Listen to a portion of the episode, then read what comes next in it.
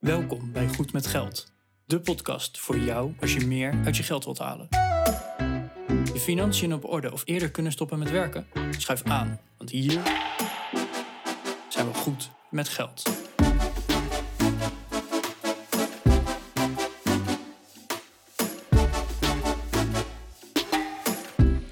Aflevering 153 van de Goed met Geld podcast.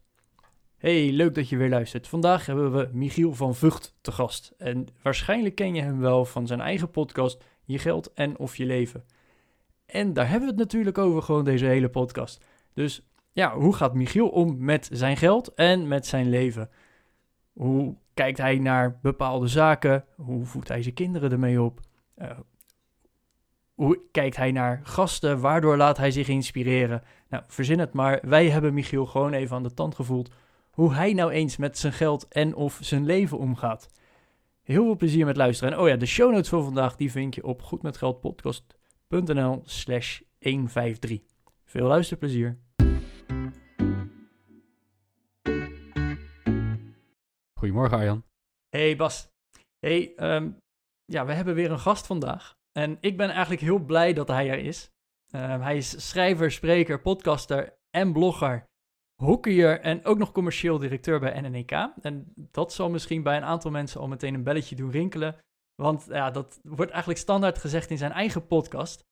Uh, namelijk de Geld en of Je Leven podcast. Uh, ja, hij heeft als doel 10 miljoen mensen uh, te helpen om betere keuzes te maken. Ja, dus eh, nu kan ik er gewoon niet meer onderuit. Welkom in de show, Michiel van Vught. Ja, Arjan, dankjewel. Leuk dat ik hier mag zijn. Ja, Um, ja, ik vind het heel gaaf. Ik volg jouw eigen, jouw podcast. Uh, ja, om de week is het tegenwoordig, maar ik heb bijna alle afleveringen denk ik ondertussen wel geluisterd. Dus ja, ik ben heel blij dat je er bent. Maar misschien kennen onze luisteraars jou nog niet. Dus uh, zou je jezelf even kort willen voorstellen? Ja, je had al een hele mooie introductie. Wat zou ik daar nog aan toevoegen? Uh, ja, uh, je hebt eigenlijk helemaal gelijk. Hè? Ik heb boeken geschreven en spreken, podcast en bij NNK Vermogensbeheer. Uh, en eigenlijk allemaal met als doel om mensen die uh, betere keuzes te laten maken rondom geld en het leven. En um, nou, dus ja, wat moet ik zeggen? Het is zo raar om over jezelf te praten, toch? Ja, dat, dat vind je niet zo leuk. Je, je bent een keer in je eigen podcast ook geïnterviewd door je vrouw. Ja. ik vond het een erg grappige podcast om op die manier een keer naar je te luisteren van... hey, vertel nou eens wat over jezelf. En ja, dat hopen we eigenlijk in deze podcast ook wel een beetje naar boven te krijgen. Want uh, ja, laten we eens beginnen met dat doel. Jij wilt 10 miljoen mensen helpen om betere keuzes te maken. Hoe ben je op dat doel gekomen? Nou, dat was. Dat, dat lag niet helemaal aan mezelf. Kijk, ik had op een gegeven moment een congres wat or organiseerde. En daar was een van de sprekers, en, uh, David Heiner uit Engeland. En die, die kwam de dag ervoor al. Dus ik ging een hapje met hem eten. Althans, we begonnen met een borrel. En hadden een voor, hoofd en nagerecht gepland. En hij vroeg aan mij: Joh, Michiel, wat is eigenlijk het doel met die presentaties en die boeken en die podcast. Toen zei ik, nou, het zou mooi zijn als ik 10.000 mensen bereik en dan help om bla bla bla. Toen zei hij, 10.000? Oké, okay, nou dan, dan stop ik na de borrel, want ik ga me niet omgeven met mensen zeg maar, die van die kleine doelen stellen. Oké, okay, dus nou goed, dan 100.000. goed, voorgerecht. Nou ja, zo liep het dus op naar 10 miljoen. Hij zei, ja, weet je, en dat is een soort van positioneringsspreker was dat, over doelen bereiken en halen. Nou, als je 10.000 doet, is helemaal niet ambitieus, weet je wel. Mensen herinneren dat ook niet. Die denken, oh, nou, die gast, nee, 10 miljoen, jij zei het al, mensen horen dat. Het slaat helemaal nergens op natuurlijk als getal. Het is een rond getal, dus het, het bedoel, ja, gaat nergens over. Maar het, is meer een soort van mindset. Net zoals, uh, oh, we halen 800 punten op de beurs, gaat ook helemaal nergens over. Uh, als in, ik wil 10 miljoen mensen bereiken. Alleen, het, het zorgt er voor mij voor dat ik denk in, oké, hoe ga ik dat dan doen? Dus dat zorgt ervoor dat je anders gaat denken. Um, en dat mensen het onthouden. Die denken, oh ja, die gast die wil 10 miljoen mensen bereiken. Misschien kan ik hem helpen. Of uh, weet je wel, nou ja. Super vet. Of misschien zou ik wel eens naar hem moeten luisteren. Ja, ja dat zeker. Even een zijsprongetje, Michiel. Heb je al eens de, uh, het boek The 10X Rule van Grant Cardone gelezen? Nee. Dus uh, zegt de naam je iets? Nee, zeg me ook niks. Maar ik kan me iets bij voorstellen misschien, op titelbasis. Ontzettend vervelende, nare Amerikaanse vent. Zo'n stuiterbal die zichzelf helemaal cool vindt. Uh, zo uh, heel vervelende gast, tenminste vind ik om naar te luisteren. Maar ik heb zijn boek wel gelezen, de 10x Rule. En die gaat, dat gaat hierover. Over je moet je doelen, nou 10x'en. Je moet tien keer zo ja, ja, doelen stellen ja. als wat je in eerste instantie denkt. Uh, niet omdat je per se dat doel moet halen, maar omdat je dan de juiste acties gaat ondernemen, waardoor je veel verder gaat komen dan je. Ja, nee, dat, dat, dat klopt ook wel. Daar heeft, daar heeft veel gelijk in, ja. Ja. ja dus cool. zo is het gegaan. En, kijk, en ik merk ook wel, ik doe al jarenlang presentaties over geld en zaken en zo. En dan Ja, dan zie je zoveel mensen die domme keuzes maken met geld. En dat is super zonde, want het is heel vaak niet nodig, ten eerste. Eh, en het zorgt ook voor rammend veel stress. En Mhm. dat is nou net niet lekker als je een leuk leven wil leiden. Dus eh, Ja. ik denk als ik nou mensen kan helpen door hun betere keuzes te laten maken op geldgebied, wordt het leven ook leuker. Nou ja, en dan eh 10 miljoen, ongeveer alle huishoudens in Nederland. Ja, Ja. Dus, en eigenlijk dat, dat balletje wordt steeds groter. Dat wordt een, een sneeuwbal eh, waar je u tegen zegt. Maar wa- waar is dat dan ooit begonnen? Ben je ooit begonnen met een boek? Ben je begonnen met een, een spreekklus? Wat, wat was die eerste stap in jouw eh, doel naar 10 miljoen? Ja, ook dat was volledig random eigenlijk. Ik, ik, ik, was, eh, ik, nou, ik was ergens uitgenodigd om een, een spreekbeurt te geven, of althans een presentatie te geven. Stond in het lokale suffertje van eh, Michiel van Vught komt een verhaal, kom langs. En in diezelfde periode was er een kerel die ook Michiel van Vught heet. Zelfde naam qua spelling, ook Vught met V-U-G-T. Woont ook in de buurt van Rotterdam. Maar die gozer die was bij ehm Tros opgelicht. Want die verkocht jachten en nou ja, die, eh, die zij betaalde even 2,5 ton aan en dan kreeg je nooit meer wat geleverd. Ja, een oplaadboot misschien. Ja, nou ja, als je geluk had. Dus die gast was op Tros opgelicht. Maar toen was ik net klaar met hockey en zo. Dus mijn hockeyfoto's zag je nog. Dus met Google kwamen mijn foto's naar boven. Maar alle hits gingen over die oplichter. ik dacht, ja, dit is niet oké, weet je wel. Ik moet wat doen. Dus eh, toen dacht ik, ja, hoe, eh, toen had ik altijd al in mijn hoofd van... ik moet een boek schrijven, zoals misschien veel mensen. Maar toen dacht ik, ja, ik moet mijn merk versterken. Dus hoe ga ik nou in Google boven die gozer komen? Nou, ik dacht, als ik nou bol.com, dat is een goede site, weet je wel. Dus ik ga gewoon dat boek schrijven. Dus dat was eigenlijk de aanzet om zo'n boek te schrijven. En, eh, ja, die, en dat boek was wel als, dat was eigenlijk de start, omdat ik al veel van die presentaties deed, waarbij ik leerde dat mensen gewoon domme keuzes maken, wat ik net al zei. En dat volledig verklaarbaar is. Maar ik dacht, als ik nou een boekje schrijf wat iedereen ook op Rotterdam-Zuid kan lezen en kan snappen, dan kom ik en hoog in bol. Dan is die andere naamgenoot weg, heb ik er geen last meer van en doe ik ook nog wat nuttigs voor de mensheid.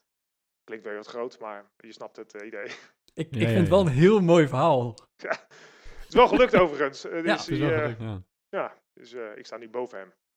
Mooi, mooi, mooi. Yes.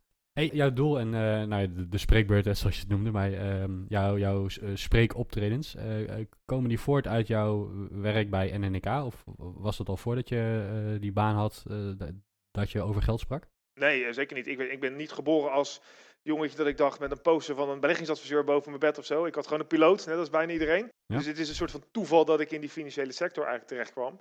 En, eh en NNK heeft altijd al gehad, al de nou, bestaan 35 jaar dit jaar.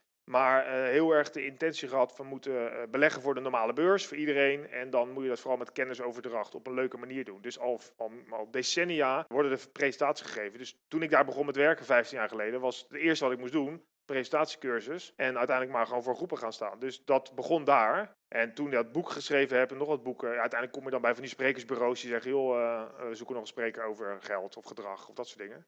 Maar het, het kwam een beetje, het is gewoon gestart daar. Dus ik bedoel, vroeger vond ik doodeng om een spreekbeurt te geven over de Inca's, weet ik nog, op de middelbare school. Dan was ik een week lang peentjes aan het zweten.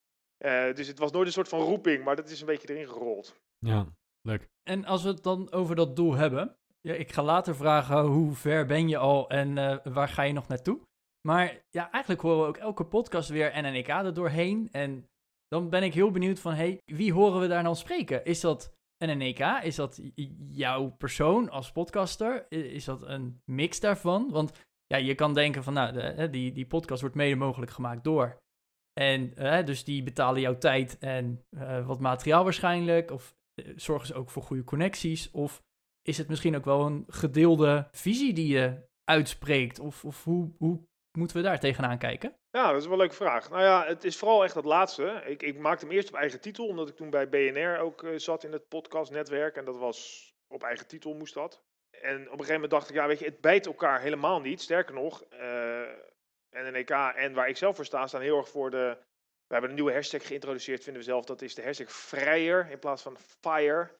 Wij geloven meer in financiële rust. Is je emotionele rust? Nou, daar, hè, daar gaat mijn boek over, eh, of de andere boeken ook. En mijn presentaties, mijn podcast. Maar NNK is vermogensbeheerder die altijd belegt met een tussenpartij van, die van een adviseur. Dus je kan bij ons alleen maar klant worden nadat je met een derde hebt gepraat over je financiële situatie. Met als doel om altijd financiële rust te creëren rondom je geld. Dus dat de koers die wij, ik zeg natuurlijk wij bij NNK varen, is hetzelfde waar ik zelf voor sta. Dus toen was het eigenlijk heel logisch van, nou ja, laten we dan NNK noemen. Ja, die stellen mij tijd ter beschikking, zou ik maar zeggen. Betalen we natuurlijk verder niets voor. Eh, maar het is meer gewoon, nou, ja, weet je, het geeft een klein beetje naamsbekendheid aan NNK. En eh, het past ook gewoon wel in de sfeer of in de, in de visie die ik zelf had en nog steeds heb. En die NNK ook heeft. Dus dat, dat gaat goed samen. Beleg jij zelf ook eh, bij NNK? Ik heb zelf vijf rekeningen bij ons. Dus ik ben een goede klant. Ja. je kan ook geen nee zeggen, je bent op de radio, dus dat... Ja, precies. zou slecht zijn. Ja, hey, ehm, even voor onze luisteraars. Hè. Eh, Arjen en ik hebben het natuurlijk heel vaak over, ehm, over beleggen, hebben het veel. eh, maar ook over ETF's, over indexfondsen. Zorg dat je goed spreidt en lage kosten hebt. Ja. Hoe, eh, hoe past NNK in dat plaatje? Of, of, of mikken jullie op een hele andere doelgroep misschien? Nou ja, kijk, die, dus NNK is ooit begonnen. Wij richten ons op klanten, nog steeds wel, die te klein zijn voor het tafellaken en te groot voor het servet. En dat wil eigenlijk zeggen dat op het moment dat jij eh, twee ton hebt, ja, dan kun je eigenlijk bij een bank, kan je wel binnenlopen, maar krijg je een soort van, eh, ja, gewoon een confectiepak. Terwijl heel veel van dat soort bedragen zijn heel belangrijk voor mensen. Maar ook mensen die bijvoorbeeld maar 100 of 200 euro per maand kunnen inleggen, willen een goede oplossing. Dus wij richten ons gewoon op de Jan met de pet, zeg maar, die dan via een hypotheekadviseur, pensioenadviseur of financial planner wordt geholpen en uiteindelijk bij NNK terechtkomt. En nou, wij vinden het bela- belangrijk in ons beleggingsbeleid dat dat natuurlijk lage kosten heeft, goed gespreid, dus het is veel een index. Duurzaam is bij ons eh, eh, prioriteit. Dus we hebben niet een heel, we hebben hartstikke goed beleggingsbeleid, we zijn de beste natuurlijk, maar het is in principe, eh, ook wordt het steeds meer een commodity. Ik denk als je over 20 jaar terugkijkt, dan hebben wij het vast goed gedaan, maar vast net zo goed als de Rabo of de ING of zo. Eh, ik denk dat daar niet zoveel eh, toegevoegde waarde in gaat zitten. Ja, en om dan een idee te krijgen, want jullie zijn vermogensbeheerder en je zegt zelf al van, ja, je moet bij ons een soort van binnengeloodst worden. Er zit altijd nog iemand voor als een soort van gatekeeper. Dus ja, Dat je niet zomaar zegt van, hé, hey, ik, ik kan een spaarrekening openen, dus ik kan ook een rekening bij jullie openen. nee, Maar mag niet. hoe zit dat dan? Wat, en wat zijn de services die jullie dan bijvoorbeeld leveren als vermogensbeheerder? Want daar, daar ben ik dan wel heel benieuwd naar. Wat, wat is dan de extra saus die je eroverheen krijgt? Nou, kijk, als je gaat beleggen zonder een plan, dat is zeg maar als cappuccino zonder melk. Dat, dat, dat klopt gewoon niet. Dat slaat nergens op. Dat is gewoon koffie. Hè? Ja, precies, gewoon koffie. Nou, ook lekker, maar als je een cappuccino wil, moet je er ook melk aan doen. En wij vinden als je een, dus een belegging zonder een plan, ja, dat, dat, dat, nou, dat is niks. Dus wij zeggen, elke klant die bij ons moet starten, die moet een plan hebben. Nou, wij gaan dat niet doen, want wij zijn geen financial planners, ehm, wij zijn geen financieel adviseurs, wij weten over beleggingen, maar niet over hypotheken en pensioenen. Dus we vinden dat voordat je nou start met beleggen, moet je eerst weten waar je staat, waar je heen wil en hoe je dat gaat bereiken. Dus dan moet je naar een adviseur. Nou, die wordt niet door ons betaald, die adviseur. Eh, we hebben een heel netwerk waar je terecht kan. En dan moet je samen met die adviseur maar kijken of je überhaupt moet beleggen, enzovoort, enzovoort. Nou, als je dan bij ons terechtkomt, dan gaan wij de belegging goed inrichten. De services is gewoon een goede beleggingsportefeuille met analisten die ernaar kijken en aanpassen, dingen doen als het nodig is. Het liefst zo meer mogelijk. Nee, en we hebben dan toegang tot mooie fondsen die je als particulier misschien niet kan kopen. Het is, belangrijkste is dat wij zorgen dat je rust houdt. Eh, dus dat op het moment dat het, nou zoals nu is het wat onrustiger door die eh, nieuwe variant, dan zie je dat die beurs eh, wat beweegt. Nou, dan zorgen wij dat er genoeg materiaal beschikbaar is om als klant rustig te blijven. En dat je op koers blijft samen met je adviseur.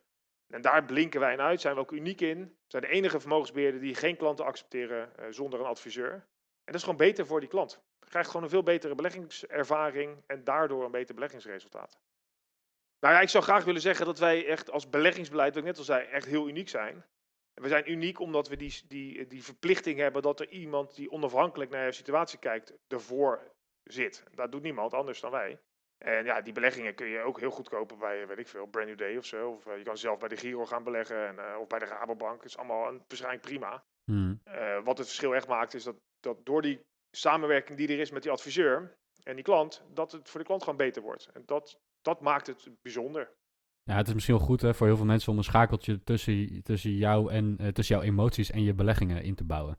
Dat als je in eh, blinde paniek denkt, hé, er is een nieuwe coronavariant, ik druk nu op de verkoopknop, dat er nog iemand even tussen zit die, eh, Ja. die jou misschien kan challengen van zou je dat nou wel doen? Ja, nou, da- daar gaat het dus echt bizar vaak mis. Het is Ja. ongekend hoe, hoe dom mensen zijn, inclusief mezelf. Oh, vertel. Of komt dat straks bij onze vijf We vragen? zijn al naar onze boven? luisteraars kwijt, hè? Onze gasten noemen ze dom, maar dat... eh, Ja, nou ja, oké, ik ben zelf heel dom en daar zullen vast meer mensen zijn. Ja. Nou ja, ik heb ik, ik- misschien wel eens eerder ergens verteld, maar ik- ik heb, ehm, ik heb dat boek geschreven Net iets slimmer. Dat gaat over de psychologie van geld en hoe je keuzes maakt. En toen dat uitkwam, was het eind 2015, was ik bijna klaar. Toen gaf ik ook al tien jaar lang beleggingstraining en zo. Dus ik was echt wel iemand die dacht van, nou, als iemand weet hoe het moet, hè, hey. Ja, dan ben ben, ik jij het. het wel. Ja, totdat ik op een Thais strand zat en zag dat de beurs 10% gedaald was. En in paniek mijn collega belde om alles te verkopen. En die, hij zei tegen mij, ja, best, weet je wel. Maar hij kwam erachter dat er niks veranderd was in mijn financiële situatie. Ik was niet ontslagen, geen huis gekocht, niks. En hij zei, joh gast, jij hebt een boek geschreven, Psychologie van Geld. Je geeft trainingen hoe je verstandig moet beleggen. En jij gaat vol nat op je eigen tips die je altijd geeft. Waarom is dit? En toen realiseerde ik me dat ik ook een mens ben en dat ik wel weet hoe het moet. Maar je eigen situatie is omgeven met emotie en dan is alles anders. Ja. Want ja, dit is nu is het anders. Oh, ik heb er hard voor gewerkt, weet je wel. Ik ben bang voor verlies. En dan gaan alle regeltjes die, die eh, heel slim zijn, die gaan de prullenbak in en ga je je dom gedragen. Dus je hebt iemand nodig. Niet allemaal, maar heel veel mensen hebben iemand nodig Ja. om in paniek of hebzucht of onrustige tijden even te zeggen: rust, niks aan de hand. Je belegt voor over 15 jaar, niet voor morgen. Afblijven. Is wel grappig, want ik zit zelf in zo'n eh, in zo'n bubbel van mensen die, eh, ja, die toch wel eh, van het zelf beleggen zijn. En ik doe dat zelf ook. Ik ben er heel passief in overigens hoor. Ik ga niet zelf allemaal aandelen zitten uitkiezen. Ik heb een, een indexfonds bij Meesman en that's it. Dus daar gooi ik elke maand wat geld in. Er staat een mooi bedrag en daar blijf ik verder vanaf. Behalve dat ik elke maand inlog om bij te kopen. En als er dan wat gebeurt, dan moet ik voor mezelf echt even terug naar de basis van waarom doe ik dit. Ja. En dan, en dan blijf ik zitten. Eh, maar er zijn heel veel mensen, denk ik, die dat, ehm, ja, die dat misschien niet doen of er niet zoveel mee bezig zijn. Het- Ik denk dat het daar vooral in zit. Niet zo met geld bezig zijn, het is een bijzaak, het, het moet wel geregeld worden, maar ik denk er verder niet heel veel over na. Dat is ook nog goed op zich. Kijk, de beste beleggers eh, zijn de mensen die dood zijn. En vergeten zijn Ja. de nabestaanden dat er een rekening is. En die hebben het hoogste rendement. Klinkt flauw, maar het is nog waar. Ja, die hebben nooit, eh, nooit gekocht of verkocht. Ja. Nee, die blijven gewoon zitten. Ja. Dus, dus terwijl de gevaar is juist dat je denkt, oeh, ik krijg er een gevoel voor. Ah, dat is levensgevaarlijk. Of dat je denkt van, eh, ja, maar ik heb nu een tip gehoord. Of nou, als ik nu Ja. de boeken van dit bedrijf goed lees, ja, die kan alleen maar omhoog. Ja, dat is eh, precies de reden dat ik geen individuele aandelen koop. Ik heb dat een paar keer geprobeerd, eh, met, een, met een beetje speelgeld naast mijn indexfondsen. Altijd fout gegaan. Ja, en het- we Ja. praten er net ook best wel snel overheen. Maar ik vind dat eigenlijk wel een hele mooie les die je er net al noemde, Michiel. Want jij zei van ja, mijn financieel adviseur, je collega in dit geval, zei van. Maar er is aan jouw situatie niks veranderd. Je hebt nog steeds hetzelfde aantal aandelen. Ja, oké, ze zijn veel minder waard, want hè, 10% eraf. Maar je hebt nog steeds hetzelfde aantal aandelen. Je hebt nog steeds je baan, dus je hebt ook nog steeds je inkomen. Je gaat niet opeens eh, scheiden van je vrouw. Je huis hoeft niet opeens verkocht te worden. Eh, of er is geen ramp gebeurd. Precies. Dus je hebt het geld niet nodig. Eh, en het geld wat je hebt geïnvesteerd is, als het goed is, al geld wat je overhoudt. Of wat je niet direct nodig zal hebben. Dus eigenlijk is er ook gewoon niks veranderd. Nee, ja, dat, maar dat is het bizarre dus. Dat mensen starten vaak zo. Precies wat jij zegt. Die denken erover na. En die zorgen ook nog voor een mooie buffer. Van nou, ik heb geld aan de zijkant voor mijn kapotte wasmachine, weet je wel. Ik heb gewoon geen zorgen. Als, hè, zo moet je beginnen. Als Ja. je dat niet hebt, moet je niet eens beginnen. Maar stel je hebt het allemaal niks geregeld. Ja, dan is het toch te bizar voor woorden dat je dan... Dat je überhaupt inlogt. Wij hebben net een nieuwe app gelanceerd met NNK. Nou, echt een fantastisch mooie app. En die is nog in de versie 1.0. De, de versie 1.5 of zo wordt echt magistraal. Maar eigenlijk slaat nergens op. Ik, ik heb het idee gepitcht bij ons. Je moet eh, één keer per jaar mag je inloggen. Daarna vervalt je inlog. En als je dan opnieuw wil inloggen, moet je je adviseur bellen. Met een nieuwe code. En dan kan die vragen, ja, maar waarom wil je eigenlijk inloggen? Ja, ik wil kijken hoe het ervoor staat. Ja, maar waarom dan eigenlijk? Ja, dan heb je eigenlijk geen goede reden, want je belegt voor over 15 jaar of zo. Dus waarom zou je nou kijken? Ja, onzin. Maar goed, Ik, ik vind het wel een hele mooie pitch. Ik, ik, ik weet niet of er klanten voor zijn, maar ik... ik nee, ja, dat ik, is het eh, probleem. Mensen zijn, die zijn allemaal zo, ik moet kijken, hoe, waarom nou? Je, zo raar, je evalueert toch niet voor eh, op de korte termijn? Dat doen wij wel. Blijf gewoon zitten, joh. Afblijven, Ja. inlo- in, gewoon storten. toch het idee dat je maakbaarheid hebt, hè? Ja, precies, joh. Dat heb je helemaal niet. Maar doe je, dat- doe je dat zelf ook niet dan? Eh, te vaak ik- inloggen om even te kijken hoe het staat? Nee, ik, ik log echt nooit in. Sterker nog, ik, het is nu dat ik door gebeld word van ja, nou, eh, de beurs omlaag en eh, door iemand eh, en ja, hij is onder de 800 gezakt. Oh, is dat zo? Dat wist, wist ik oprecht niet. En ik zit Nee. in, ik zit, ben beleggingsadviseur, maar ik denk, ja, het- weet je, wat maakt het nou uit? Tuurlijk gaat hij zakken. Ja, Ja. onvermijdelijk gaat hij zakken. Er komt Ja. echt wel de komende 10 jaar een hele grote daling.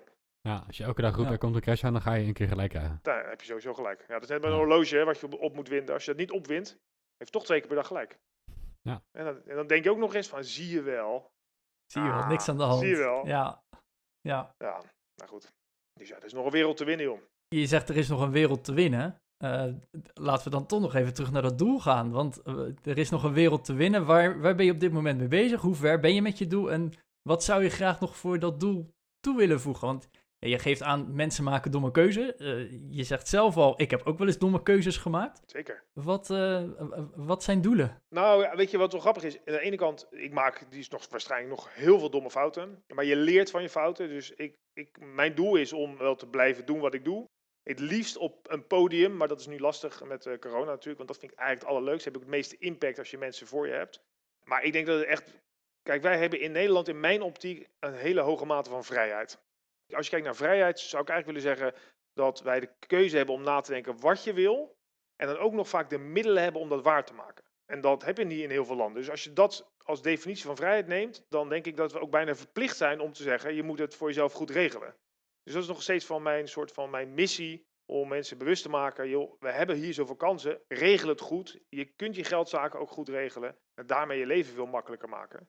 Dus neem dat niet te licht op, weet je wel. Doe niet van ja, het wordt wel geregeld of ik begin er ooit wel een keer aan. Nee, neem dit nou serieus. Het geeft je zoveel rust op het moment dat je dat voor jezelf uh, goed regelt. Ja, dus dat, dat ja, ik, ik, merk het aan mezelf hoe relaxed het is nu. Weet je wel, ja. uh, laat de beurs maar dalen joh, prima. Het maakt me niet meer uit. Of ik weet ook dat ik mijn pensioen goed geregeld heb. En dat is super relaxed. Ja, hoop is not a strategy, uh, roepen ze dan ook altijd. Want je nee. hoopt op een gegeven moment uh, dat je AOW krijgt. Maar ja, als je dat hoopt, dat weet je gewoon nog niet zeker bijvoorbeeld. Nee, precies. Daar kan je niet op bouwen. En ja, door dingen te regelen weet je gewoon dat het geregeld is. Ja, kijk, onzekerheid is natuurlijk hartstikke, uh, dat is nodig voor sommige dingen, maar het is best wel vervelend op sommige vlakken. Ja, het is heel stressvol vooral. Hè? Ja, super stressvol, ja. En uh, kijk, en de leven is al stressvol genoeg, zeker in deze tijd. En als je naar de pijlers kijkt, wanneer je zeg maar, uh, een rustig, fijn leven kan leiden, ja, dan moet je gezond zijn en je moet geen problemen hebben met vrienden en familie en je geldzaken moeten op orde. Nou, dat laatste heb je invloed op, ja. voor een heel groot deel. Dus doe dat dan. Dat is gewoon ja. een lekkere basis, zonder zorgen, goed met geld. Hartstikke idee. Ja, maar geld is niet leuk en ik heb er geen verstand van en ik wil nee. er helemaal niet mee bezig zijn. Nou ja, als je dat niet doet, dan uh, is de kans gewoon een stuk groter dat je, dat je vrij stressvol door het leven gaat. En geld maakt niet gelukkig. Oh, klopt. Maar het, het ja. ontzorgt wel, denk ik. Ja. Ja, nou ja, onrust maakt ongelukkig. Dus het is niet, je hoeft niet veel geld te hebben. Als je maar weet, veel met mijn geld kan ik dingen doen die ik wil doen. Ja. Kijk, wat een gek, gek is, ik, ik heb met vrienden ook vaak over, die betalen rustig 200 euro per maand voor een schoonmaker. Want die willen niet stofzuigen en dweilen en zo. Dat vind je niet leuk. Zonde van mijn tijd. Ja. Maar 200 euro per maand betalen die iemand, aan iemand die jou volledig financieel ontzorgt, zodat je daar geen zorgen over hoeft te maken, vinden we te duur. Ja, ja. Echt ook een rare, eigenlijk raar als je erover nadenkt. Het geeft je heel ja. veel rust. In allebei de gevallen geeft het rust en uh, scheelt het tijd. En, ja, ja. ja, het is ook saai. En laat het ook saai blijven. Want het, het gevaar is dat je het leuk gaat vinden om met geld bezig te zijn. Dan mag je vaak rare dingen doen. En voor je het weet gaan ze weer zelf beleggen en zo. Dat, uh, ja, joh, precies. En dan komen er alle crypto's langs en een mooie dit en zus. En allerlei kansen die er zijn en zo. en, uh, nou ja, daar ga je dan. Hey Michiel, wij gaan gewoon een bedrijf starten samen. Uh, dat gaan we op abonnementsbasis doen. Een soort AI-gestuurde geldontzorger. En dan stop je ja. gewoon al je data in en dan komt hij terug met adviezen. Dat kost 200 euro per maand, want dat betaal je ook aan de schoonmaker. Ja, en precies. Dan, ja, ja, ik, zie, ik zie kansen. Het advies is zorg voor een buffer en investeren in beleggings in indexfondsen. Dat, als je de ja, domeinnaam op punt .ai laat eindigen, dan is het al goed. Er hoeft helemaal dan niks in te zelf goed. Ja, ja. Over bubbels gesproken. hey, welke levenslessen heb jij zelf uit je podcast gehaald? Oeh, goeie. Ja, ik probeer natuurlijk de ene keer wat over geld te, te praten en de andere aflevering iets meer over levenszaken. Ja, daarom ook de vraag. Ja, dat snap ik. En dus, het zit vooral in, natuurlijk in die hoek, hè, dat als je ja, mensen als, um, nou, die misschien wel bekend, Ferry Zandvliet heb ik een paar keer gesproken, die uh, aan uh, aanslag in Bataclan heeft overleefd en hoe dat zijn leven veranderde en hoe hij dus ook contact heeft met bijvoorbeeld de vader van een van die aanslagplegers. Ja, ik vind dat super inspirerend hoe, hoe je daarmee uh, door echt helemaal, terug, helemaal teruggeworpen te worden op, op jezelf en op, uh, op een verschrikkelijke omstandigheid, hoe mensen daar dan uit opkrabbelen. Dat geeft voor mij vaak wel weer een soort les van, ja, weet je, als het nu met corona ruk is, Oké, okay, maar hoe ruk is het eigenlijk, weet je wel? Als je dat in de context plaatst van zo'n ferry of een Arjen Erkel die onder de grond zat uh, als uh, gegijzelde. Ja. Uh, dat zijn altijd wel... dat, dat vind ik mooi, want dan geef je een soort van... Nou, ik heb het eigenlijk goed, dus waar, waar zeur ik nou over? Oké, okay, ik moet Friends voor de derde keer, derde keer moet ik dat bingen. Oké, okay, maar dat is dan mijn probleem. En tegelijkertijd zie ik ook wel, spreek ook wel mensen die natuurlijk bijvoorbeeld Olympisch kampioen worden of zo. En dat is ook gaaf om te kijken hoe, hoe je dus kan voorbereiden op dingen. Dus dat is ook wel, dus dat heb ik ja. wel geleerd van sommige dingen zijn maakbaar in die zin dat je in ieder geval kunt plannen hoe je ermee omgaat. Dus, uh, dus dat, is ook, ja, dat zijn wel twee dingen waar ik veel aan heb. Ja, het lijkt me heel interessant inderdaad om, om, om die, die doorsneden of een parallellen te kunnen trekken tussen pure ellende aan de ene kant en, en, en extreem uitblinken in iets aan de andere kant. Ja, het zijn, en wat je natuurlijk heel vaak terug hoort, die kennen jullie ook hoor, is eh, ja, weet je, waar heb je invloed op en waar niet? En Ja. waar maak je dus druk om en waar niet? Ja. Eh, en hoe ga je met dingen om in je eigen hoofd? Dus je kunt alles heel groot maken en je moet over vijf jaar kampioen worden. En nee, je moet morgen maar weer gaan trainen. Ja. En dat zie je, of het nou een tegenslag is of een succes, dat zijn heel veel dingen. En daar heb je zeker in, nou, dit zijn natuurlijk ook, ik vind het best wel irritante tijden waarbij je weer eh, niet mag sporten s'avonds. En als we dit opnemen, hè, is dat om, mag je niet meer eh, om vijf uur naar buiten, zeg maar. Althans, je mag wel naar buiten, maar eigenlijk niks doen. Nou, ja, dus hoe ga je daar dan mee om? Nou, dat zijn dingen, ik heb er geen invloed op. Wat kan ik wel doen? Kleine stapjes. Ja, dat zijn dingen die wel heel gaaf zijn om, eh, om toe te passen. Ja, wat, wat ik voor mezelf probeer daar is dat je, eh, je zegt van ja, ik heb op een heleboel dingen geen invloed op. Waar je wel invloed op hebt, daar kan je je zorgen over maken en actie ondernemen om, eh, om, om het beter te maken voor jezelf of voor je omgeving. En zaken waar je geen invloed op hebt, zoals een eh, corona-lockdown, eh, iemand die ziek wordt of misschien word je zelf eh, ziek, daar heb je geen invloed op. Maar je hebt wel invloed op hoe je daarmee omgaat. Ja. En hoe je daar vervolgens ja, over denkt, over communiceert. Ik denk dat dat heel belangrijk is. Ja. En dat, dat komt in jouw podcast ook mooi terug. Dat je, dat je mensen ziet die of iets he- heel moois hebben meegemaakt en daar leer van hoe, ze- hoe keihard ze daarvoor gewerkt hebben. Mensen die verschrikkelijke dingen hebben meegemaakt. En hoe ze daar dan vervolgens mee omgaan en lessen die ze eruit halen. Ja, precies. Ja. Ja, en ook wel de bewustwording dat, ja, dat werd in Nederland, wat ik net ook al zei, ja, natuurlijk is het allemaal, kan allemaal beter, weet je natuurlijk. Maar in essentie, in de basis, eh, hebben wij het gewoon echt wel goed. Ik, ik was in Egypte op vakantie, in de herfstvakantie. En daar sprak ik toevallig een oud collega, ik heb daar een eh, tijd gewerkt. En die zei, ja, wij hebben hier geen corona, met een lach.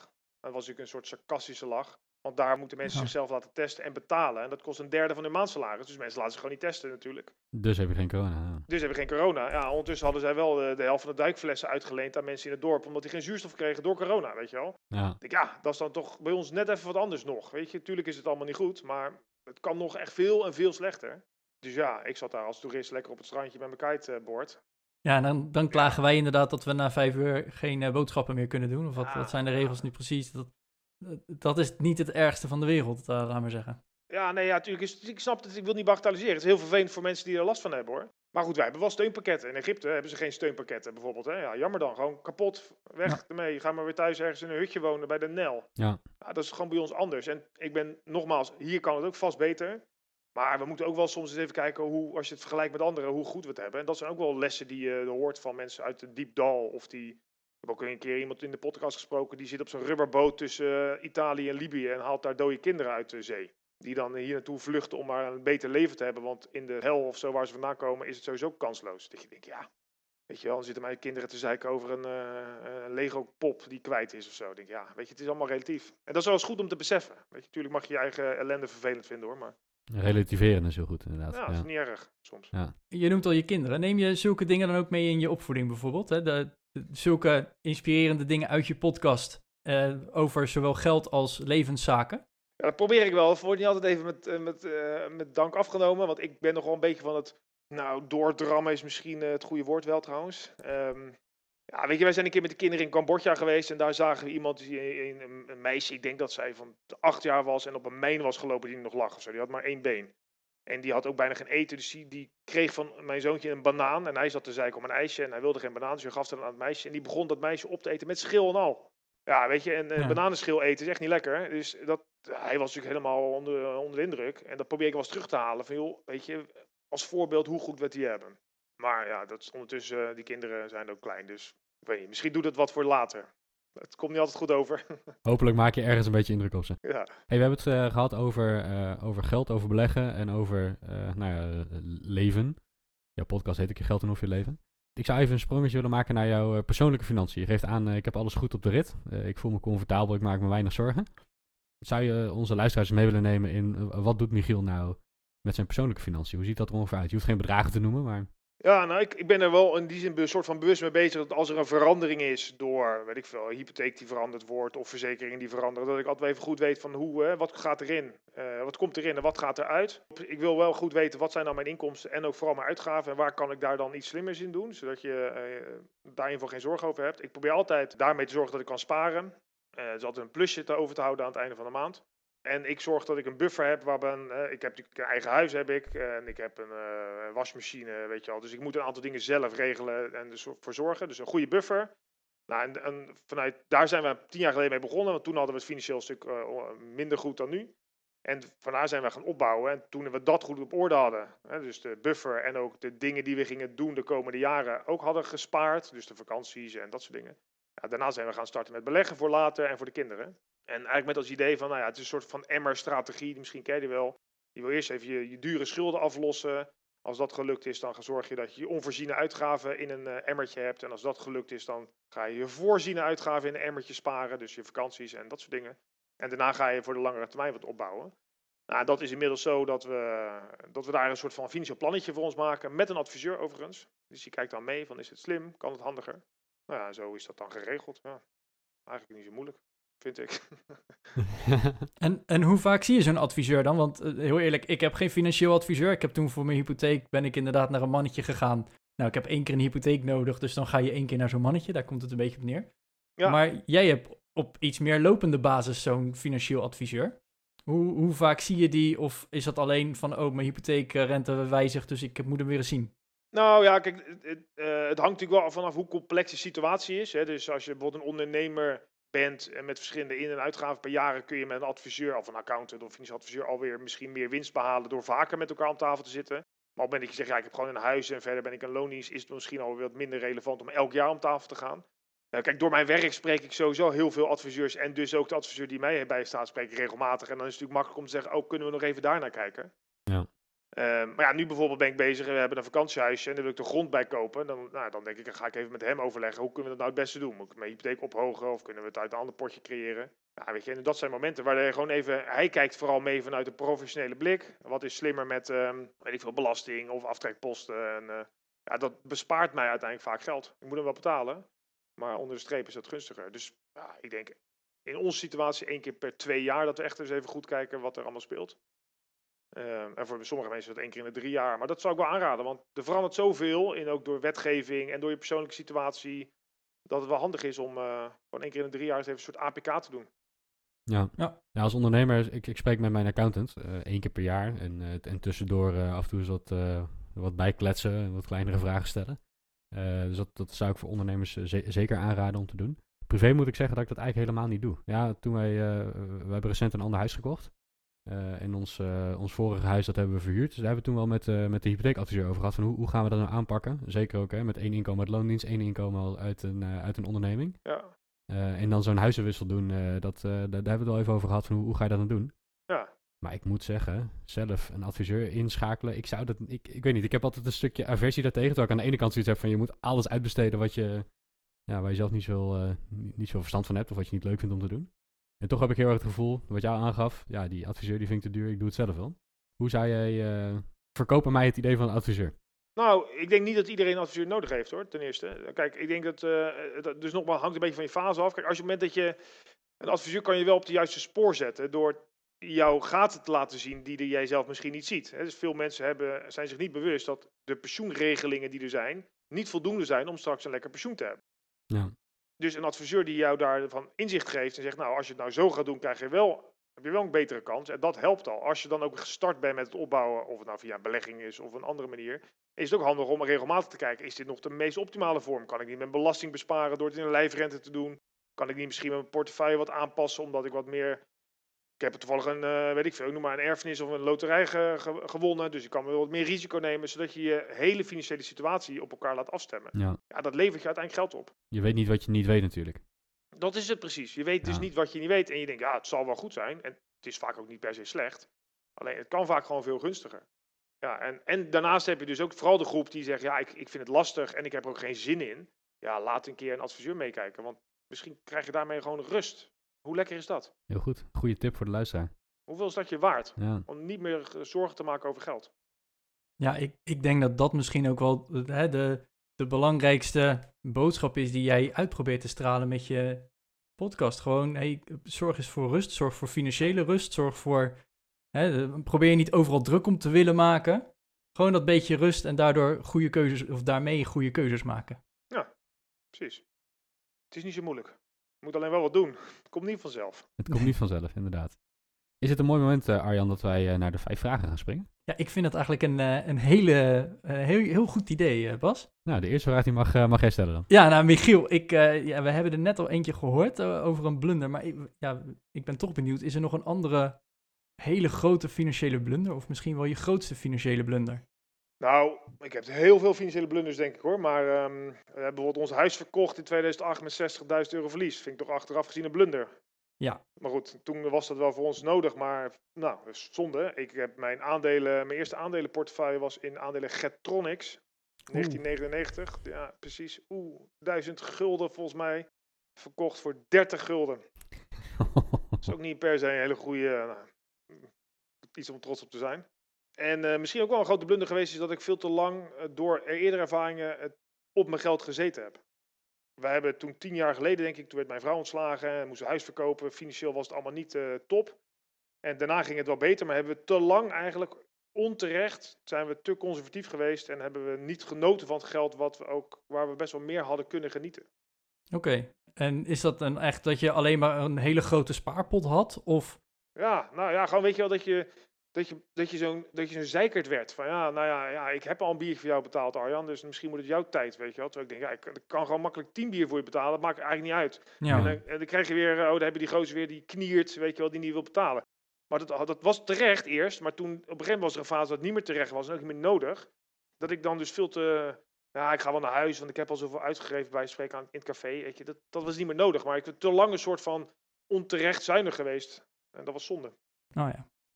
Nou, misschien sluit dat wel aan op de volgende vraag. Want wat is iets dat jij nu kan, dat je eigenlijk vijf jaar geleden al had willen kunnen? Nou, ik kan nu heel goed springen als ik aan het kitesurfen ben. Dat, dus daar ben ik heel trots op. Mooi antwoord. Ehm, nou, weet je wel, als je, nee, het is nu eh, 2021 en 2016 is vijf jaar geleden. En toen zat ik echt in het strand, dus in paniek. We hebben natuurlijk nu vorig jaar die coronadip gehad in maart. En toen hebben we bijgekocht, zonder enige zorg. Dus ik, heb me, ik ben echt wel beter geworden in het, in het overzicht over mijn eigen geld. En ook veel beter snappen wat impact is voor later. Eh, door de ervaringen die ik heb opgedaan. Dus, het, is ik ben wel rustiger geworden en minder angstig. En ik heb veel meer rust dus. eh, dus dat, daar ben ik echt beter in geworden. Oké. Ja. En waar sta je dan over vijf jaar? Ja, dat vond ik een vraag. Je had hem al gestuurd van, joh, ga hier eens naar kijken. Ik, ja, ik hoop gewoon dat het lukt weer om, eh, om, mensen, om, mensen te bereiken, dat ik berichtjes krijg. Dat lijkt me eigenlijk het mooiste. Dat ik over vijf jaar elke week een berichtje krijg van iemand die zegt, god, dit was een eh, nuttig. Ik heb nu een adviseur gesproken naar aanleiding van een presentatie, boek of podcast. En ik heb het gevoel dat ik rust heb gekregen. Oh ja. Als, en dus als dat lukt, want in verder heb ik het, ik ben best wel tevreden. Weet je, alles wat doet thuis, met mijn werk, vrienden, familie is allemaal leuk. Dus als dit zo door blijft gaan, ben ik tevreden. En, maar ik zou wel mooi vinden als ik wat meer, nou ja, dat ik gewoon regelmatig mensen hoor die blij zijn met wat ik heb gedaan. Niet voor mezelf, maar voor die mensen die dan zelf een stap hebben gezet. Ja. En welke bron van informatie zouden onze luisteraars volgens jou moeten kennen? Nou, ken jezelf, zou ik zeggen, voordat je eh, keuzes gaat maken. Dus eh, we- we- Vind ik een mooie tip. Eh, Ken, ken je bijvoorbeeld ook je eigen sterke en zwakke punten? Dat helpt denk Ja, ik al heel erg. Ja. Ja, en weet ook wat je wil, weet je wel. Want als je je eigen bron van informatie is natuurlijk wel aardig. Hè? Ik zou zo zeggen, eh, koop net iets slimmer. Is een fantastisch boek als ik even reclame mag maken voor mezelf. Zeker. Bijvoorbeeld. Nee, maar kijk, het verhaal van Alice in Wonderland kennen jullie ook wel. Hè? Die komt dan aan in een bos eh, op zo'n kruispunt met allemaal weggetjes. En dan eh, zit die kat zit daar in die boom en dan vraagt ze, ja, welke weg moet ik nemen? En dan vraagt die kat, ja, waar wil je naartoe? Ja, dat weet ik eigenlijk niet, zegt Alice. Ja, dan maakt het dus ook niet uit welke weg je neemt. Ja, dat is met geld natuurlijk net zo goed. Als jij niet weet wat je wil bereiken en je helemaal niet over nadenkt, dus alles, in principe alles goed wat je doet. Dus ken je eigen bron, wie, weet wie je bent, waar je naartoe wil. Heb het er met je partner over, want daar zit ook vaak verschillen tussen. Dus ken ook je partner erin. Hoe gaat die om met stress of zij? Eh, en dan kun je, vast, kun je veel beter naar de toekomst iets gaan doen. Dus even in de spiegel kijken. Spiegel. Een hele mooie tip. Ja, en de, laatste vraag. ehm, die, die stellen we natuurlijk altijd eh, naar jouw expertise toe. Dus ja, wat is jouw advies als je eh, overweegt om een vermogensbeheerder eh, in de arm te wil nemen? Nou, zoek eerst een adviseur. Ja. Dus ga niet zomaar een beleggen om het beleggen. Nee, ga eerst eens kijken, wat heb ik nou eigenlijk nodig? Hoeveel geld heb ik nodig? Hoeveel rendement moet ik maken? Hoeveel risico is dan nodig? In plaats van dat je gewoon denkt, ik vul ergens een formuliertje in, dan open ik een rekening en dan eh, zie ik wel of het goed komt. Nee, eerst weten waar ga ik naar, waar wil ik naartoe, eh, voordat je begint met beleggen. En eh, uiteindelijk mag je bij een EK vermogensbeheer mag je je melden en dan sturen we je naar een adviseur als je iemand zoekt. Dan, eh, je kan niet bij ons nogmaals die rekening openen, maar ik wil je met alle liefde in contact brengen met een adviseur. Maar ik denk dat dat het beste is. Eerst een plan maken en dan uitvoeren. Ja. Ja, en ook hè, bijvoorbeeld als je gaat sparen, dan eh, om het, om het even wat kleiner te maken, als je gaat sparen en je wil een hele verre vakantie gaan maken, dan moet je meer per maand gaan sparen als je dat over een jaar wil doen, dan wanneer je op de camping eh, op de hei wil gaan zitten bijvoorbeeld. Ja, precies. Hè? Hè, dus het, het heeft ook heel erg te maken inderdaad met wat is nou je doel? Want ja, je kan wel een, heel- een heel groot doel hebben wat misschien wel onrealistisch is. Ja, dan kan je sparen tot je een ons weegt. Dan kom je er niet. Maar als je doel maar heel klein is, dan is het misschien ook niet de juiste stap. Dus ik denk dat een, een adviseur wel een hele mooie eerste stap is. Ja, want heel veel, er zijn ook best wel mensen die het geluk hebben om niet te hoeven beleggen. Hoe mooi is dat? Dat je gewoon niet het risico hoeft te nemen met je geld. Dat je denkt, joh, ik heb genoeg met een spaarrekening. Hoe chill is dat? Nooit meer onrust over een dalende beurs. Ja, dat zou mij dus heel veel onrust geven. Ik wil ergens, eh, naast mijn onderneming wil ik ook ergens een geldmachientje hebben. eh, eh, of ben ik aan het opbouwen. Dus het zou mij heel veel onrust geven als ik dat niet zou hebben. Maar ik kan me heel goed voorstellen dat als je veel zorgen krijgt van op en neergaande beurskoersen, dat je dat niet meer doet. Ja. Ja, maar als jij dadelijk weet eh, van, joh, ik heb met geld wat ik heb, eh, hoe raar ik ook, hè, dat is met mijn leven, als ik dat eh, leef als ik leef, dan gaat het nooit op. Nou, dan hoef je toch niet meer geld Dan hoef je niet meer te beleggen. Nee. Ja. Hoe vind je een eh, financieel adviseur? Google je op financieel adviseur of eh, zijn, zijn er betere plekken te vinden? Ja, ja, ze staan op zich op Google. Ik zou vaak vragen aan mensen in je omgeving: ken je iemand die je vertrouwt? En die eh, dus dat helpt. En ik zou vooral bij een adviseur kijken dat hij meer, meer of zij meer doet dan alleen maar één financieel aspect. Dus je zegt, ja, ik kan naar mijn adviseur voor mijn hypotheek. Maar vraagt die adviseur ook door, nou oké, hoe is het eigenlijk met je pensioen en wat wil je eigenlijk met je leven? Ehm, ik zou zo'n soort van, eh, je, je koopt eigenlijk een adviseur in. Dus je moet eerst eens even, wil ik daar wel mee de toekomst in? En ik zou ook iemand kiezen waarmee je denkt, ik heb er een klik mee en ik wil de komende jaren vooruit. Dus het is Mhm. niet een one-off, het is een relatie die je aangaat, in principe voor de komende decennia misschien zelfs. Dus het moet iemand zijn die je vertrouwt en die meer doet dan alleen maar één expertise.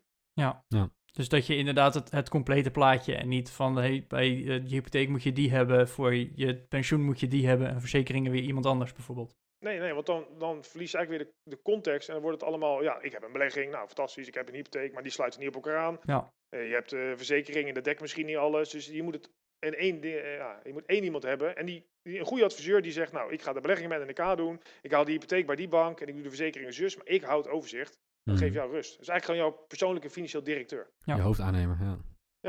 Ja, Nou, hey Michiel, eh, ja, wij zijn aan het einde van onze podcast gekomen. Het eh, doel is gehaald, beste luisteraar. We wilden wat korter zijn, dus nou, dat is in ieder geval gelukt. Ehm, maar Michiel, voordat we afsluiten, waar kunnen onze luisteraars jou nog meer vinden? Want we, we roepen, je bent schrijver, podcaster, blogger, noem maar op. Maar eh, maak nog even ongegeneerd reclame voor jezelf. Oh, nou oké, dan uh, michielvanvugt.com, Vught met V-U-G-T. Kan ook .nl tegenwoordig. Ja, en je geld en of je leven op eh, alle podcastkanalen waar jullie ook te vinden zijn. En eh, nou ja, als je daar gaat zoeken, dan ben je een heel eind. Ja, en dan vind je inderdaad vanzelf links naar je boeken, naar je blog, naar je werkgever en noem maar op. Ja, precies. Ja, natuurlijk. Bol.com en nk.nl zijn allemaal goede sites om mij te, op te zoeken. Je, jij bent overal. ah joh, je, komt, eh, je wordt gek van me. Tegenwoordig, als je ook googelt op Michiel van Vught, dan staat hij bovenaan de lijstjes, heb ik gehoord. Zie je Kijk wel. eens. Kijk. hey, we moeten gauw afsluiten. Ik heb zo meteen een andere afspraak. Ik eh, ben te gast in een podcast. Oh, wat leuk joh. Ja, Ja. Welke is dat eigenlijk? dus eh, Michiel, heel erg bedankt voor, eh, voor je tijd en eh, alle informatie die je hebt verstrekt. Tot zo. En beste luisteraar, ja, mocht je willen reageren, dat kan natuurlijk eh, onder de show notes van vandaag of goedmetgeldpodcast.nl slash contact. Maar mag natuurlijk ook direct naar Michiel. En eh, ja, wij zien je volgende week weer. Tot volgende week. En Michiel, tot zometeen in jouw studio.